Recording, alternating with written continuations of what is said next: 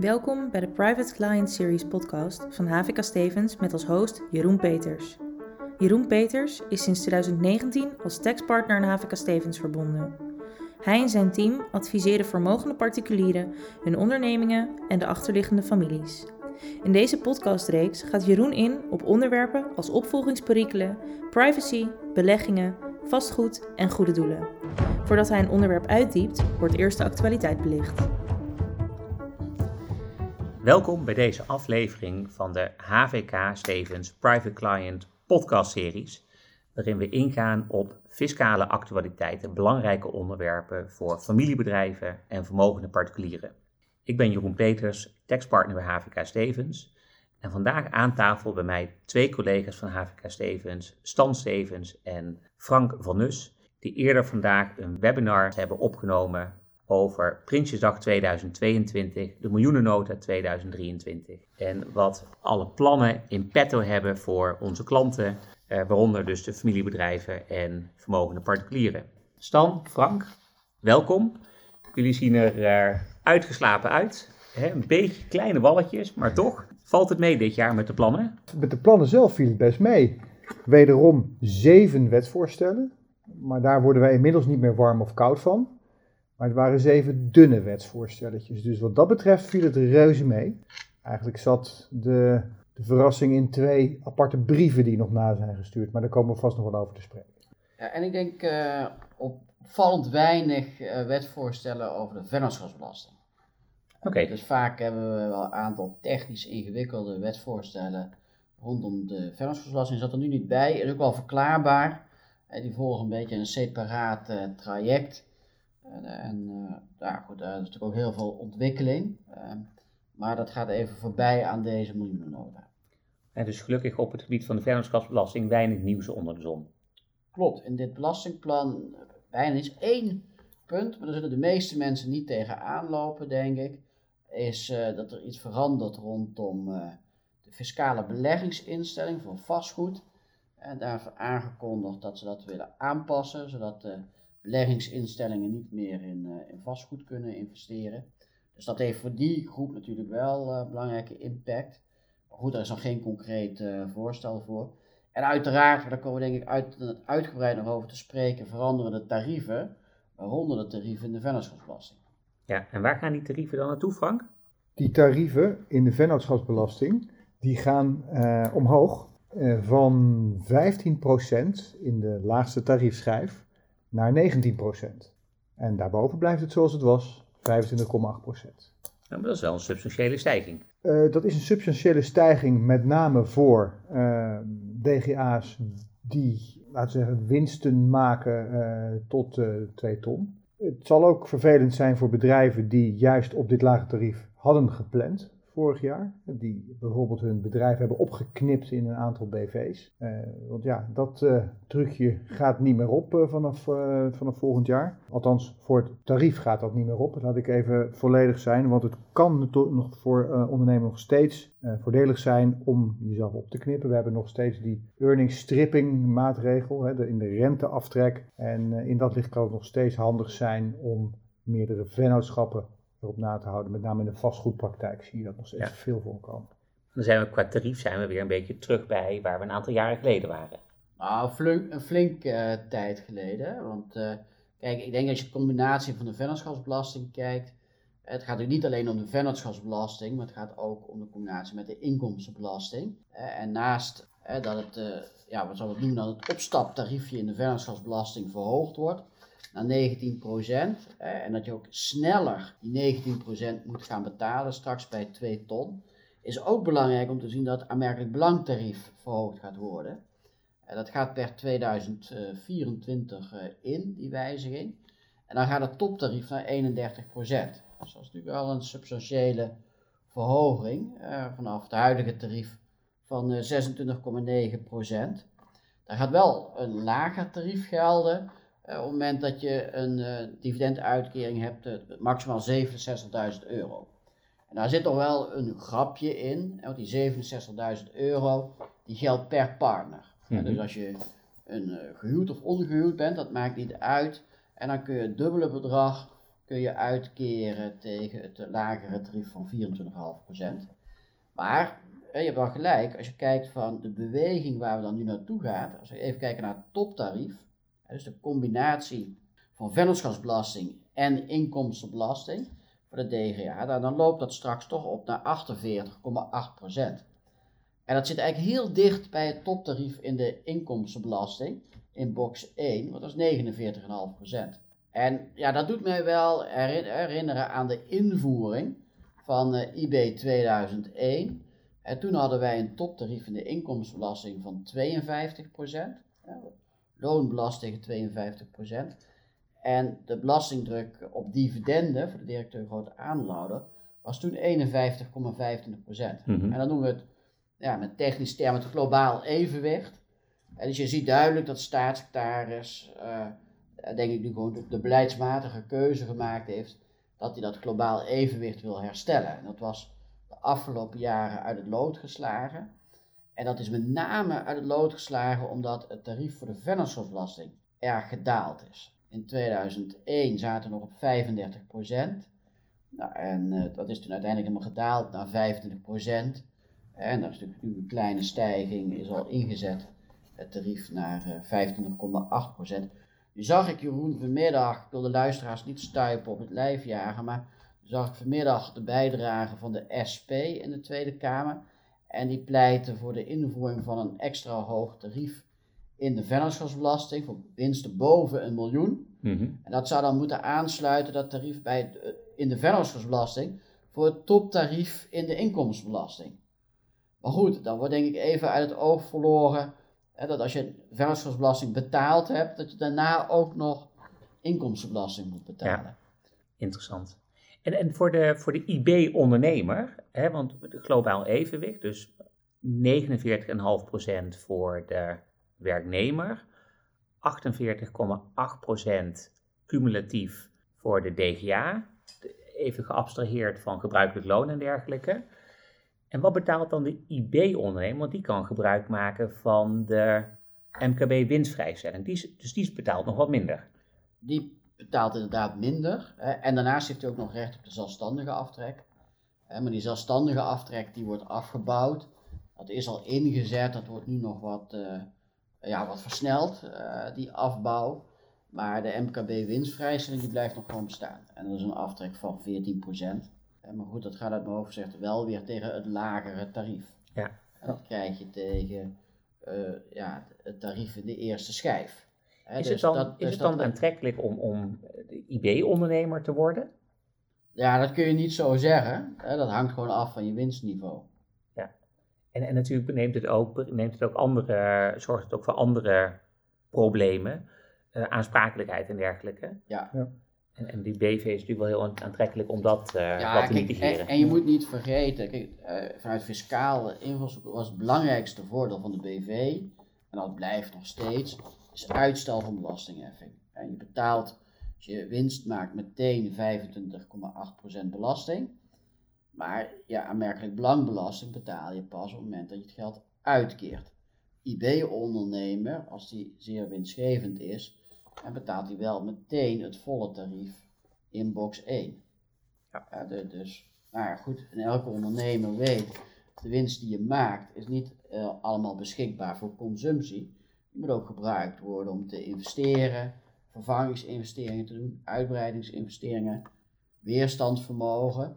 En dus voor wat grotere ondernemingen denk ik toch dat de BV uh, uh, aantrekkelijker is dan, dan een eenmanszaak of een, of een vennootschap onder firma. Maar het is wel zo dat de belastingdruk voor de directeur grote aandeelhouder substantieel stijgt. Hè? Want je zei net denk ik, even tussen neus en lippen door, even afgezien van het gebruikelijk loon. Uh, maar ja, goed, dat is op zichzelf wel belangrijk, uh, want de directeur groot aandeelhouder moet een gebruikelijk loon hebben. Dat is belast meteen uh, tegen het normale tarief in box 1. En er is ook weer aangekondigd om het gebruikelijk loon aan te passen. De, de, regel is dat je een, een gebruikelijk loon moet hebben en dat moet eigenlijk uh, ja, tenminste gelijk zijn uh, aan het loon wat, wat, je verdient bij een vergelijkbare dienstbetrekking. En dan zit er nog een aparte regel in dat, dat je uh, het ook niet lager mag zijn dan de best verdienende werknemer. Mhm. Maar goed, daar zat altijd een tegemoetkoming in, een soort, dat noemen ze de doelmatigheidsmarge, dat je dan een afslag mag nemen van 25% hè, van het gebruikelijke loon. En dat gaat eruit, hè, die, uh, die, die, die doelmatigheidsmarge van 25%.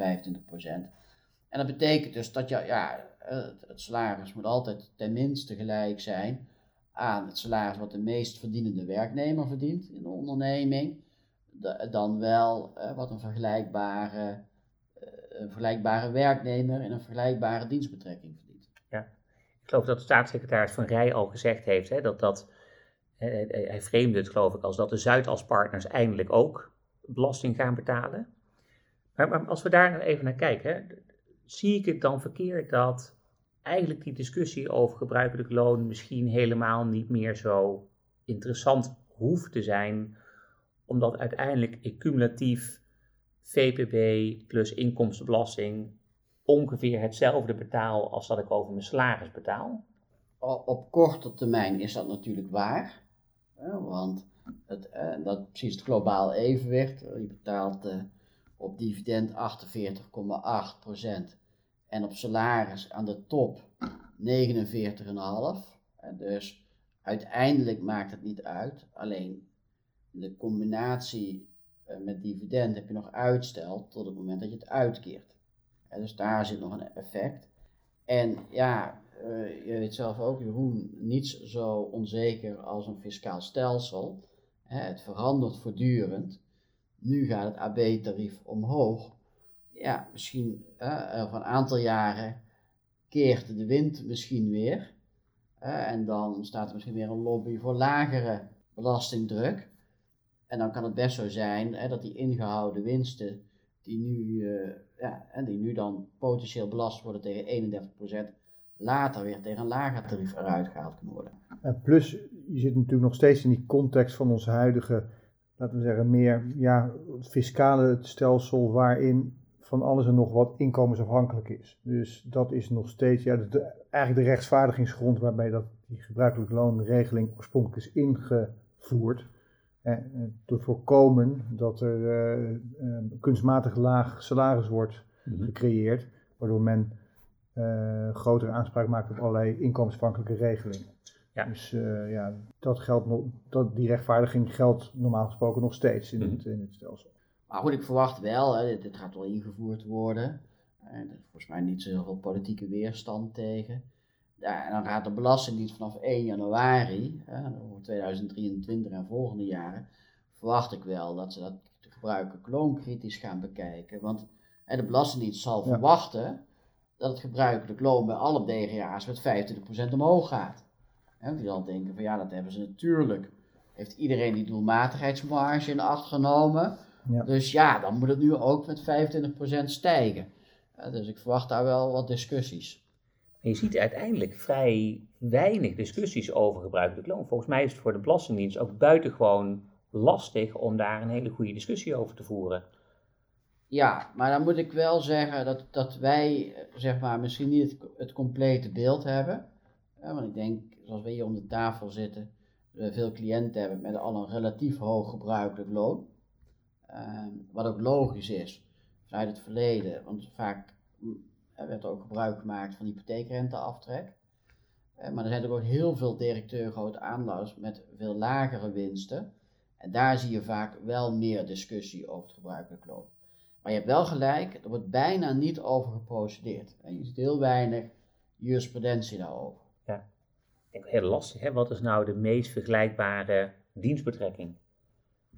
uh, ja. de, de, de meest verdienende werknemer in het bedrijf. Hè, daar kan ik me iets bij voorstellen. Hè, maar de, de meest vergelijkbare dienstbetrekking is natuurlijk best wel, best wel lastig. Nou ja, goed, je, je, je refereerde net aan de Zuidaspartner. Nou, ik denk dat die al moeilijk vergelijkbaar zijn. Ja. er is een, je kunt niet elke belastingadviseur vergelijken met, nou ja, uh, een belastingadviseur bij een groot kantoor of een of een advocatenkantoor. Mm dat, dat wordt, en, en individuele partners kunnen ook andere keuzes maken over hoe zij ja, hun praktijk willen runnen. Het type klanten dat ze accepteren, tijd die ze willen besteden aan andere zaken, bijvoorbeeld de wetenschap. Nou, weet je, dus die vergelijkbaarheid is nog best wel ingewikkeld. Ja. En Frank, zie je nou een, een soort overkoepelende tendens of, of, of trend in, in wat er nu gebeurt? Ja, dat is toch die uh, verschuiving hè, van belastingheffing van arbeid naar kapitaal. We hebben uitgebreid bij stilgestaan ook in onze webinar uh, vanmiddag. Want, ja, daar, uh, dat is de grote beweging die we in de toekomst gaan zien. Je ziet het al een beetje terugkomen in, in een aantal maatregelen die, die nu wordt getroffen. Ik beweeg me heel erg in de vastgoedwereld natuurlijk. En ja, ik zie ook die 10,4% overdrachtsbelasting eigenlijk een beetje in dat kader. om toch ja, toch op het kapitaal wat hoger te belasten. Ik weet dat er zijn andere doelen mee gediend ook nog, maar ik, ik plaats het ook wel in, een, het kader van hogere belasting op kapitaal. Want de belegger die al vastgoed heeft, die wordt voor zijn bestaande vastgoed daar niet mee geconfronteerd, begrijp ik. Nee, het, zit, het is op, op transactiebasis natuurlijk. Dus het is als er uh, wordt geïnvesteerd in vastgoed. En je ziet natuurlijk in de tarieven, dat hebben we gezien uh, in die, die VPB-tarieven, die, die gaan omhoog. Ook hogere belasting op, uh, op kapitaal. Dat is, dat is de, de, de bredere tendens. Maar uh, ik denk dat Stan, jij zult daar zo meteen nog nou, wat over zeggen. Kijk, ik denk, uh, precies wat Frank zegt, maar die beweging is een aantal jaren geleden al ingezet. Ja. kapitaal moet zwaarder belast worden. Ja. En in alle plannen ademt nog door dat ook in de toekomst, de komende jaren, de beleidsrichting zal zijn dat kapitaal zwaarder belast gaat worden. Ja. Um, men heeft duidelijk voor ogen, uh, het spreekt het kabinet uit, dat uh, nou, vermogensongelijkheid te groot is geworden. Dat dat ook negatieve effecten heeft. Zal men maatregelen wil nemen om die vermogensongelijkheid te verkleinen. En uh, nou, er zijn een aantal maatregelen nu voor genomen.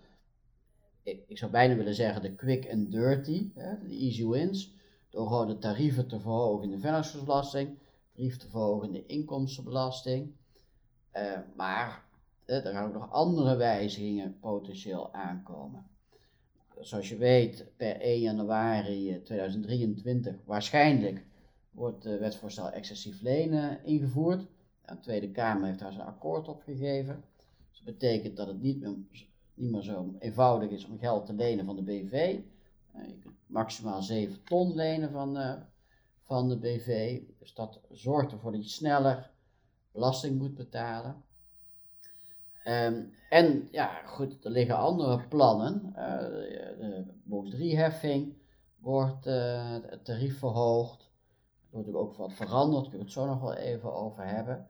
Uh, maar ik denk dat het belangrijk in, in dat kader is, dat er ook nadrukkelijk is gezegd, nou we gaan ook kijken nog naar de bedrijfsopvolgingsregeling. Mm eh, en heel specifiek is al aangekondigd dat de bedrijfsopvolgingsregeling wordt aangepast voor vastgoedondernemingen.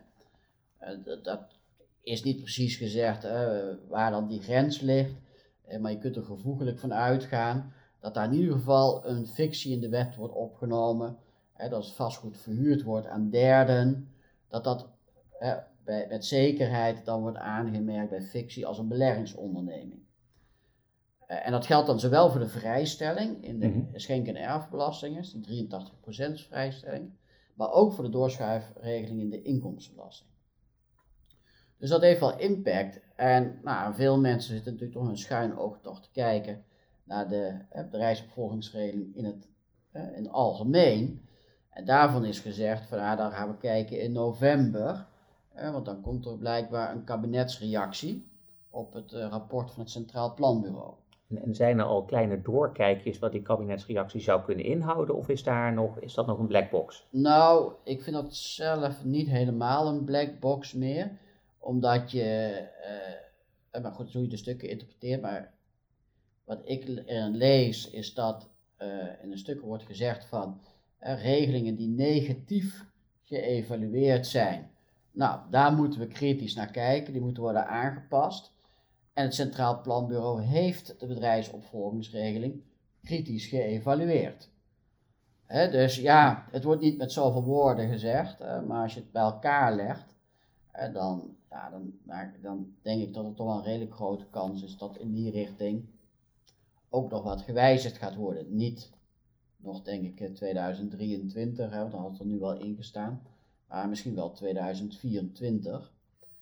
Ja, goed, en dan, kun je, zijn er allerlei mogelijkheden. En dan kan gewoon de vrijstelling, bedrag verlaagd worden, het percentage omlaag. Dan wel, hè, de meest extreme variant, dat de vrijstelling vervalt en vervangen wordt door een betalingsregeling. En, en in meer een algemene zin, de successiewet, een verhoging van de tarieven, dat, dat lijkt niet aan de orde te zijn. Nee, dat zit er niet in. En wat er ook niet in zit, uh, nou, ik weet niet of dat opmerkelijk is of niet, maar er wel van tevoren gedis gediscussieerd, is een vermogensbelasting. Dat, dat, dat, zit er ook niet in. Een andere belangrijke potentiële ontwikkeling, waar, waar nu niet over gesproken wordt in, eh, in deze voorstellen, maar die wel gewoon in de bureauladers liggen in Den Haag, is aanpassing van box 2 meer fundamentele zin. Mm er wordt vaak gezegd dat een van de, eh, van de knelpunten van box 2 is dat de belastingheffing uitgesteld kan worden. Nou, dat zou je kunnen voorkomen door forfaitaire heffing in te voeren in box 2. En daar zijn ook plannen voor ontwikkeld. Nou, dat, dat is dus niet, nu niet ingevoerd. En de staatssecretaris heeft gekozen voor een gesplitst tarief. Mhm. Eh, waarbij je een wat lager tarief hebt voor lagere dividenduitkeringen, waardoor mensen in ieder geval gestimuleerd worden om dividenden te uit te keren. En maar voor de hele vermogenden, waar hele grote winsten een rol spelen, ja, daar werkt dat niet. Mhm. daar blijft dan gewoon een prikkel om op te potten. Dus ja, Dat, dus dat zou aanleiding kunnen zijn voor, uh, voor de politiek om daar toch nog kritisch naar te kijken. Want uiteindelijk nu in het huidige systeem is, voor zover die opgepotte winst geen ondernemingsvermogen is, is het uiteindelijk afrekenen bij overlijden, Klopt. uiterlijk. Klopt dus, dus dat onbeperkt in de tijd doorschuiven, wat in 2001 uh, eh, kon, he, tot, totdat de wetswijziging, dat, dat is al ja. niet meer mogelijk. Nee, sinds 2010 moet je natuurlijk gewoon afrekenen bij overlijden. Uh, en ook met emigratie, nou dat weet je als geen ander, uh, Jeroen, wordt, er, wordt er een conserverende aanslag opgelegd. En die wordt ook niet kwijtgescholden. en goed, dat is nu een conserverende aanslag die in 2024 wel opgelegd wordt tegen een tarief van 31%. En dus Nederland behoudt, nou, legt er wel stevige klemmen over zijn fiscale claims. Dus uiteindelijk heeft de fiscus, of de overheid moet ik eigenlijk zeggen, heeft latent al heel veel belastingopbrengsten in de boeken. Hè, die zullen ze ongetwijfeld niet mee mogen nemen. Hè, maar alle, alle winsten, alle beleggingsopbrengsten, hè, die worden vroeg of laat wordt daarover afgerekend. maar men kent, kijkt kennelijk dan toch nog daarnaast nog of ze dat toch nog wat eerder uh, wat meer naar voren kunnen halen. Ja, nou kijk, je ziet gewoon, kijk, jij zegt heel terecht dat dat drukt een claim op. Maar je ziet gewoon in de beleidsdiscussies dat dat vaak genegeerd wordt. Hè. Zelfs een instituut als uh, het Centraal Planbureau, die onderzoek gedaan hebben, ook hiernaar. Ehm, die kwamen bij de conclusie bij de directeur grote aandeelhouders. Dat ze zeggen, ja, we gaan nou wel de winst, de ingehouden winsten meenemen. En, en constateren dus dat dan de hele belastingdruk heel laag is. Maar het feit dat er later belasting betaald moet worden, dat werd in die vergelijking genegeerd. En dan krijg je natuurlijk een heel scheef beeld. Mhm. en, en dat zegt het Centraal Planbureau ook wel, ik moet ze wel recht doen dat zeggen ze ook wel dat ze die belastingdruk niet hebben meegenomen. Maar goed, in de discussie is daarna natuurlijk heel erg het beeld ontstaan van, ja, die directeur aandeelhouders, die hebben hele hoge winsten, hele hoge inkomens, en die worden niet belast. Ja. Terwijl die wel later belast gaan worden. En, vroeg of laat inmiddels wordt die belast. Uh, Klopt. Uiteindelijk is uh, met, met, geen mogelijkheid is, is er meer uh, te voorkomen dat daar nooit over hoeft te worden afgerekend. Kijk, wel de nuance moeten we natuurlijk wel maken voor ondernemingsvermogen. Zeker. daar heb je natuurlijk wel de mogelijkheid om door te schuiven. Ja. maar beleggingsvermogen, helemaal gelijk, reken je uiterlijk bij overlijden af. Ja. En dat gaat volgens mij om hele grote bedragen. Dat hebben we gezien bij de bedragen die genoemd worden bij excessief lenen um, tientallen miljarden die geleend waren van de BV. Nou, daar kun je gevoeglijk van uitgaan dat dat allemaal beleggingsvermogen is. En dus over die tientallen miljarden gaat de komende jaren, nou, 31% eh, inkomstenbelasting betaald worden. En we noemden het net al, ehm, box 3. we hebben ehm, het kerstarrest gehad. Ehm, het rechtsherstel voor de jaren tot en met 2022. En, en 23 en volgende, wat, wat gaat er voor die jaren gebeuren? Ja, daar eh, blijven we toch een beetje hangen in de forfaitaire benadering, uh, moet het uh, constateren. het, het, het, vergezicht vanaf 2026 is de bekende vermogensaanwasbelasting. Toch aanknoopt bij werkelijke rendement. Maar wat er uh, voor de komende drie jaar is, is, is, voorgesteld, is ja, de forfaitaire spaarvariant. En de naam zegt het al. Dat de inkomsten uit vermogen blijven op forfaitaire basis vastgesteld. Dus de wetgever neemt hier toch wel een risico. Hè? Wetende dat de Hoge Raad uh, strijd heeft geconstateerd met bijvoorbeeld uh, ja, Europese regelgeving. En dan blijft die wetgever toch dat inkomen voor versterkte vaststellen. Dus ja, goed, er zijn wel, hè, het, het, stelsel is wat meer bewogen richting het werkelijk rendement. Maar of dat ook daadwerkelijk, dat rendement ook voldoende benaderd wordt, ja, dat hangt natuurlijk heel erg van de individuele casus af. En we gaan naar een systeem waarbij ja, dan weliswaar wordt gezegd voor spaartegoeden, daar wordt een rendement van 0, 0,1% eh, eh, aangenomen.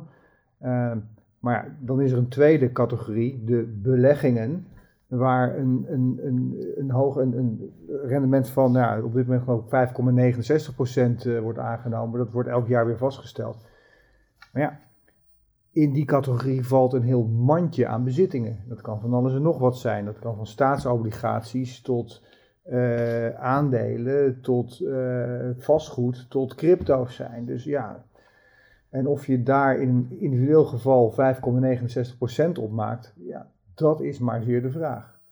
Dus ja, ik vind wel dat de wetgever een, eh, een risico neemt. Ja, tegelijkertijd zijn daar natuurlijk redenen voor, want het zomaar invoeren van een vermogensaanwasbelasting nu gelijk per volgend jaar, dat heeft ook wat voet in de aarde. Dus ik heb er wat dat betreft wel enige sympathie voor. Um, maar het is een risico. En dan hoorde ik de afgelopen weken, heb ik diverse mensen horen zeggen, ja, maar uiteindelijk hè, die, die aanpassing is allemaal niet zo'n probleem. Want um, wat ik gewoon ga doen, ik verkoop op 30 december, verkoop ik mijn beleggingen. En uh, op 1 januari ben ik volledig cash uh, belegd. En op 2 januari koop ik mijn, mijn portefeuille terug. Is dat een manier om hiermee om te gaan en, en zo je belastingdruk nog wat te besparen? Of is dat te makkelijk gedacht? Ja, leuk bedacht, Jeroen. um, heel en creatief. Uh, maar de wetgever, wetgever, heeft er helaas ook aan gedacht voor degene die dit zou overwegen en een nieuw, geheel nieuw begrip geïntroduceerd, de pijldatumarbitrage. Dus uh, er is op uh, geanticipeerd in de, in de regelgeving. Ja, dus ik moet uiteindelijk hè, onze luisteraars toch teleurstellen mm -hmm. Dat die hele simpele besparingsmogelijkheid, dat dat helaas uh, niet mogelijk is.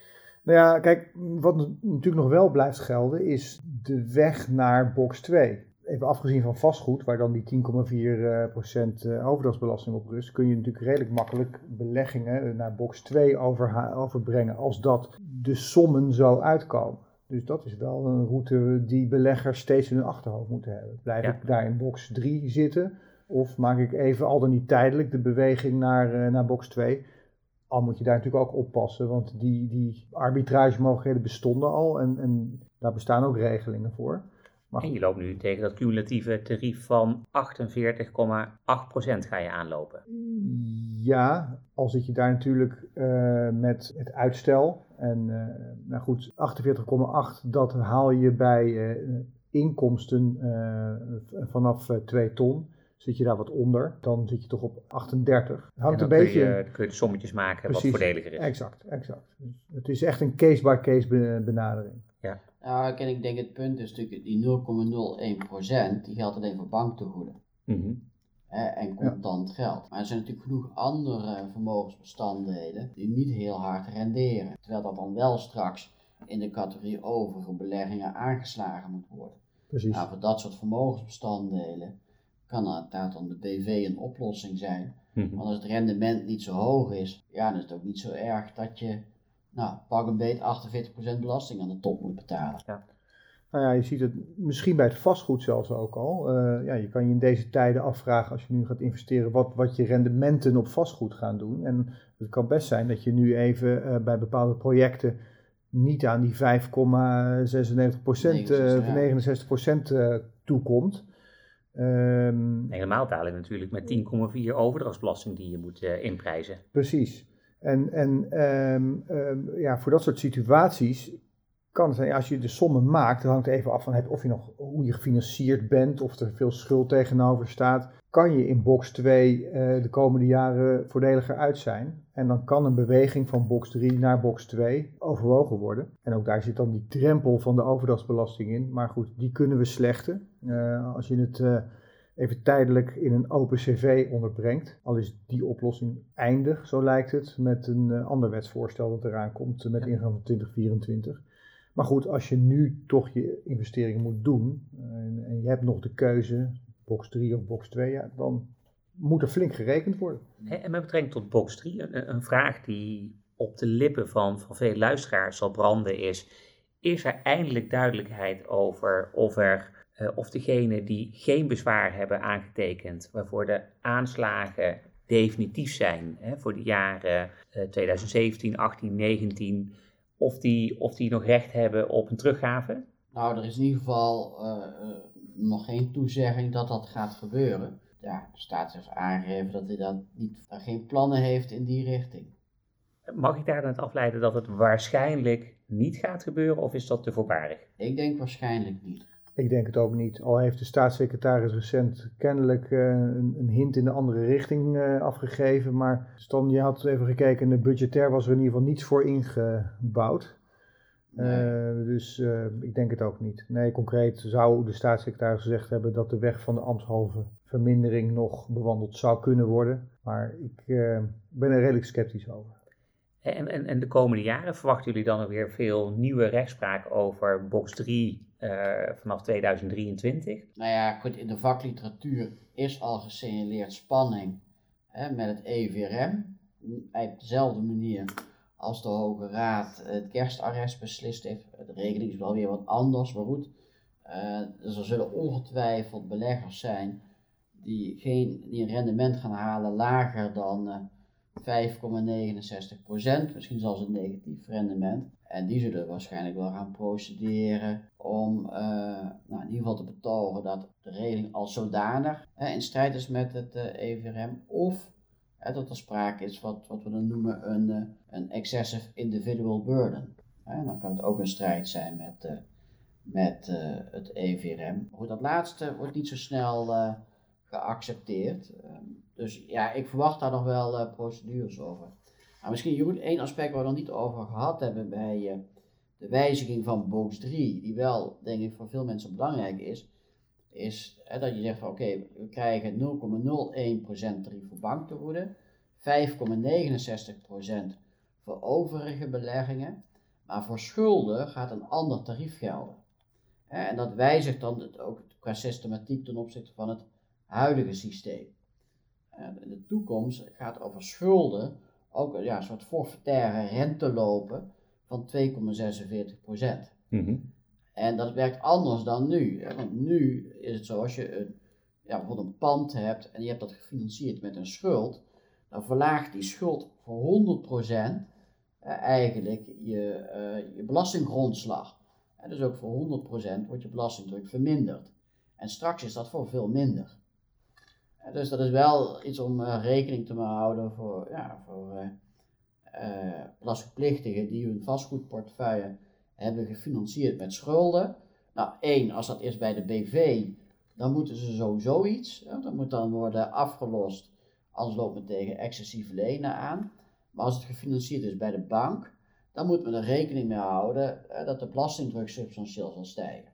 Ja. ja omdat gewoon die ja, die, die, die schuld niet meer volledig meegenomen wordt. Dus uiteindelijk is het ook vanuit, um, je, je, het wordt fiscaal dus veel minder voordelig, of zelfs onvoordelig als ik het goed begrijp, om in box 3 met schuld gefinancierd te zijn. Nou, ik wil niet zeggen onvoordelig, hè, want op het moment, de, uh, er wordt een forfaitaire rente in aanmerking genomen, dus we kijken niet naar de werkelijke rente die je betaalt. er geldt een forfaitaire rente van 2,46%. Dus op het moment dat jij een rendement maakt van meer dan 2,46%, is het gewoon aantrekkelijk om met schuld te financieren, Mhm. omdat je economisch leverage creëert. Ja. Maar het is niet meer zo dat het ook nog een, ja, dat, het, dat fiscaal gezien je eigenlijk een extra hoge rente in aftrek kan brengen. Want in het huidige systeem heb je een forfaitaire rendement van 5,69%. Dus die schuld trek je eigenlijk ook af tegen 5,69%. Terwijl je misschien 2,5, 3% rente betaalt. Heel veel zal afhangen van de, de, de exacte cijfers van het individuele geval. Hoe je eruit springt. En wat, wat, wat voor een rentepercentage betaal je werkelijk op je schuld. En wat voor een rendement maak je werkelijk op je beleggingen. En die sommen moet je gaan maken om te kijken waar je thuis eh, hoort. In box 3 of in box 2. En, en dus ehm, hè, box 3 wordt onvoordeliger voor de vermogende particulier. Box 2 wordt onvoordeliger. Er zijn aanpassingen in het verschiet voor, eh, met betrekking tot de bedrijfsopvolgingsregeling. Mogelijk aanpassingen in het verschiet met betrekking tot de doorschuifregeling. De OpenCV staat eh, onder vuur. Is er, is er ook nog wat leuks te melden voor, voor, de, voor de vermogende particulieren, het, familiebedrijf? Vergeet niet dat de schenkvrijstelling eigen woning nog wordt eh, afgeschaft. De jubelton. Niet te vergeten de jubelton. Ja, om het nog erger te maken. We kunnen nog wel even doorgaan, Stan. We hebben er toch nog wel een paar in, eh, in petto. Eh, Ja, nee, kijk, het, eh, er zit nog wat meer zuur in. Eh, we hadden het straks over het strijden van vermogensongelijkheid. Eh, Dat is de brief van Frank aan refereerde eh, over kabinetsreactie over het zogenoemde IBO-rapport vermogensverdeling. En, en daarin heeft de staatssecretaris een aantal maatregelen, eigenlijk bepaalde ja, belastingstructuren geïnventariseerd. En ja, dat noemt hij dan opmerkelijke structuren. En daar zitten gewoon structuren tussen die nou, blijkbaar opmerkelijk zijn, maar wel in de praktijk veel voorkomen. En ik zie wel een van de meest veel voorkomende situaties is dat ouders en kinderen samen investeren. Mhm. In een onderneming of samen beleggen. En dat wordt ja, beschreven als een opmerkelijke structuur. Nou, op zichzelf is dat niet zo erg, maar er zit wel aan gekoppeld eigenlijk dat we willen kijken van ja, we moeten dat soort structuren niet bestreden worden in de uitvoeringssfeer of door middel van, eh, van wetgeving. Een ander voorbeeld eh, in die categorie is ook de situatie dat een, eh, eh, een directeur groot aandeelhouder een vakantiewoning heeft aangekocht via zijn BV. Nou, dat komt in de praktijk natuurlijk ook wel vaker voor. En een vakantiewoning wordt aangekocht, die wordt verhuurd aan derden, maar wordt ook eh, gebruikt door de directeur groot aandeelhouder zelf. Dat mag allemaal. Als je een zakelijke huur eh, eh, berekent, dan is dat geen schenking. En is dat ook geen verkapte dividendenuitkering. Maar goed, daar worden ook opmerkingen over gemaakt in de richting van dat dat eigenlijk ongewenst is. Nou, en zo is er een hele lijst. En daar staan dan de, de landgoederen op, eh, giften, giften van boven de 250.000 euro. Nou, die worden dan niet als ongewenst bestempeld, maar wel dat de giftenaftrek wordt geclaimd eh, boven die 250.000 euro. Dus daar zitten nog wel wat andere aanpassingen in het verschiet. Ehm, natuurlijk profiteren familieondernemingen, hebben die ook geprofiteerd van coronamaatregelen, de coronasteunmaatregelen. Nou, er is voor het MKB nog aangekondigd dat er steun komt rondom eh, eh, de hoge gasprijs, de hoge energierekening. Alleen dat is nog helemaal niet uitgewerkt. Dus dat is afwachten hoe, eh, hoe concreet dat, dat uitpakt. Het realistische beeld is wel dat een, een, fors deel van de rekening bij het nou, bedrijfsleven, eh, directeur grote aanlouders wordt, eh, wordt gelegd. Ja. En, en zijn er, je noemde het net al een paar, die, die, opmerkelijke constructies of, of structuren. Als ik het zo hoor, zijn het structuren die al sinds jaar en dag worden gebruikt. Hè. Dus, dus ik kan me zo voorstellen dat er heel veel familiebedrijven, vermogende particulieren zijn die hè, die toch even achter de oren krabben en, en zoiets hebben van ja, maar hè, waarom wordt dit opeens al onmerkelijk bestempeld, terwijl het al, al tientallen jaren uh, zo, zo gebeurt. Maar is er, is er enig zicht op op welke termijn de staatssecretaris daar iets mee wil? Ja, daar ligt een heel schema. Er, een, er worden een aantal maatregelen genomen men, volgend jaar. En dan bijvoorbeeld de giftenaftrek. Um, maar er zijn ook, uh, er is ook het algemene voornemen geuit om elk jaar zo'n lijst op te nemen en dan te kijken of daar ja, actie op moet worden ondernomen of niet. Goed, en, en, in een aantal gevallen zal het ook heel erg moeilijk zijn. Zie wat je zegt. Ik denk, uh, ja, op het moment dat ouders en kinderen samen investeren, en die kinderen hebben dat geld gekregen van de ouders door middel van een schenking, en die dat vervolgens ja, samen in gaan investeren. Eén, uh, vraag me af of dat echt ongewenst is. maar goed, daar, daar moeten we maar eens een discussie over voeren.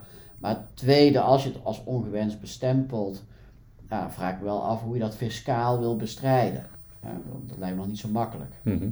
Zonder, nou ja, heel veel uh, volstrekt normale participaties te raken. Ja, ik denk een beetje de, de, de vergelijking die bij mij hè, de, de, opkomt is, hè, zie je dan een soort maatregel als die destijds genomen is met betrekking tot de, uh, de renteloze direct opwijsbare lening aan kinderen. Zijn er nog andere punten die, die echt die, die op het puntje van de tong liggen, die, uh, die we ook met, uh, met onze luisteraars moeten bespreken? Nou, jij zocht net naar iets dat niet zuur is, maar zoet. Um, we hebben nog niet vermeld dat er wel budgetten worden vergroot voor zaken als milieu-investeringsaftrek. Dus dat, laten we dat niet vergeten ook weer voor die vastgoedsector is dat uh, niet onbelangrijk. Dat daar gewoon uh, grotere budgetten voor komen, want het speelt natuurlijk. Hè. Uh, in het vergroenen van gebouwen is dat ongelooflijk belangrijk. Ehm, ja, de vraag is even, gaat men er ver genoeg in? Mm. Maar er wordt, op dat punt is er wel iets zoets te proeven. Ja. Is, echt voor het verduur, is dat dan voor, echt voor het verduurzamen van, van vastgoed dat daar mogelijkheden? Zeker, ja interessant. Staan nog punten waarvan je denkt van hè, die, die zijn echt belangrijk voor, uh, voor de vermogende particulier, de, het familiebedrijf? En volgens mij hebben we wel alles gecoverd wat uh, ja. op dit moment actueel is. Ja, ik denk dat het voor de vermogende particulier zaak blijft om de komende jaren steeds goed de beweging van het kabinet te volgen. Want er is een lijstje van 10 punten en dat is veranderlijk, dat lijstje. En dat kan naar de grillen van de dag worden uh, aangevuld of gewijzigd. Dus wat nu recht is, kan volgend jaar of over een paar maanden ineens krom zijn. Dus zo blijft de fiscaliteit ook voor de vermogende particulier, of met name voor de vermogende particulier, erg in beweging. Dus, de, dus, dus die vermogende particulier, de DGA, het familiebedrijf, heeft te maken tegenwoordig met herfststormen en lentestormen. Oh zeker, ja. Het is niet meer alleen maar Prinsjesdag. Het, is, uh, het stormt voortdurend. Hey, dank jullie wel voor deze, voor deze podcast. Heel interessant. Ik hoop dat u veel uh, nieuwe dingen heeft gehoord, dat er informatie verduidelijkt is. als u hierover meer informatie wilt, uh, kunt u altijd contact opnemen met, uh, met ons. Onze contactgegevens staan op de, staan op de website. Dank u wel.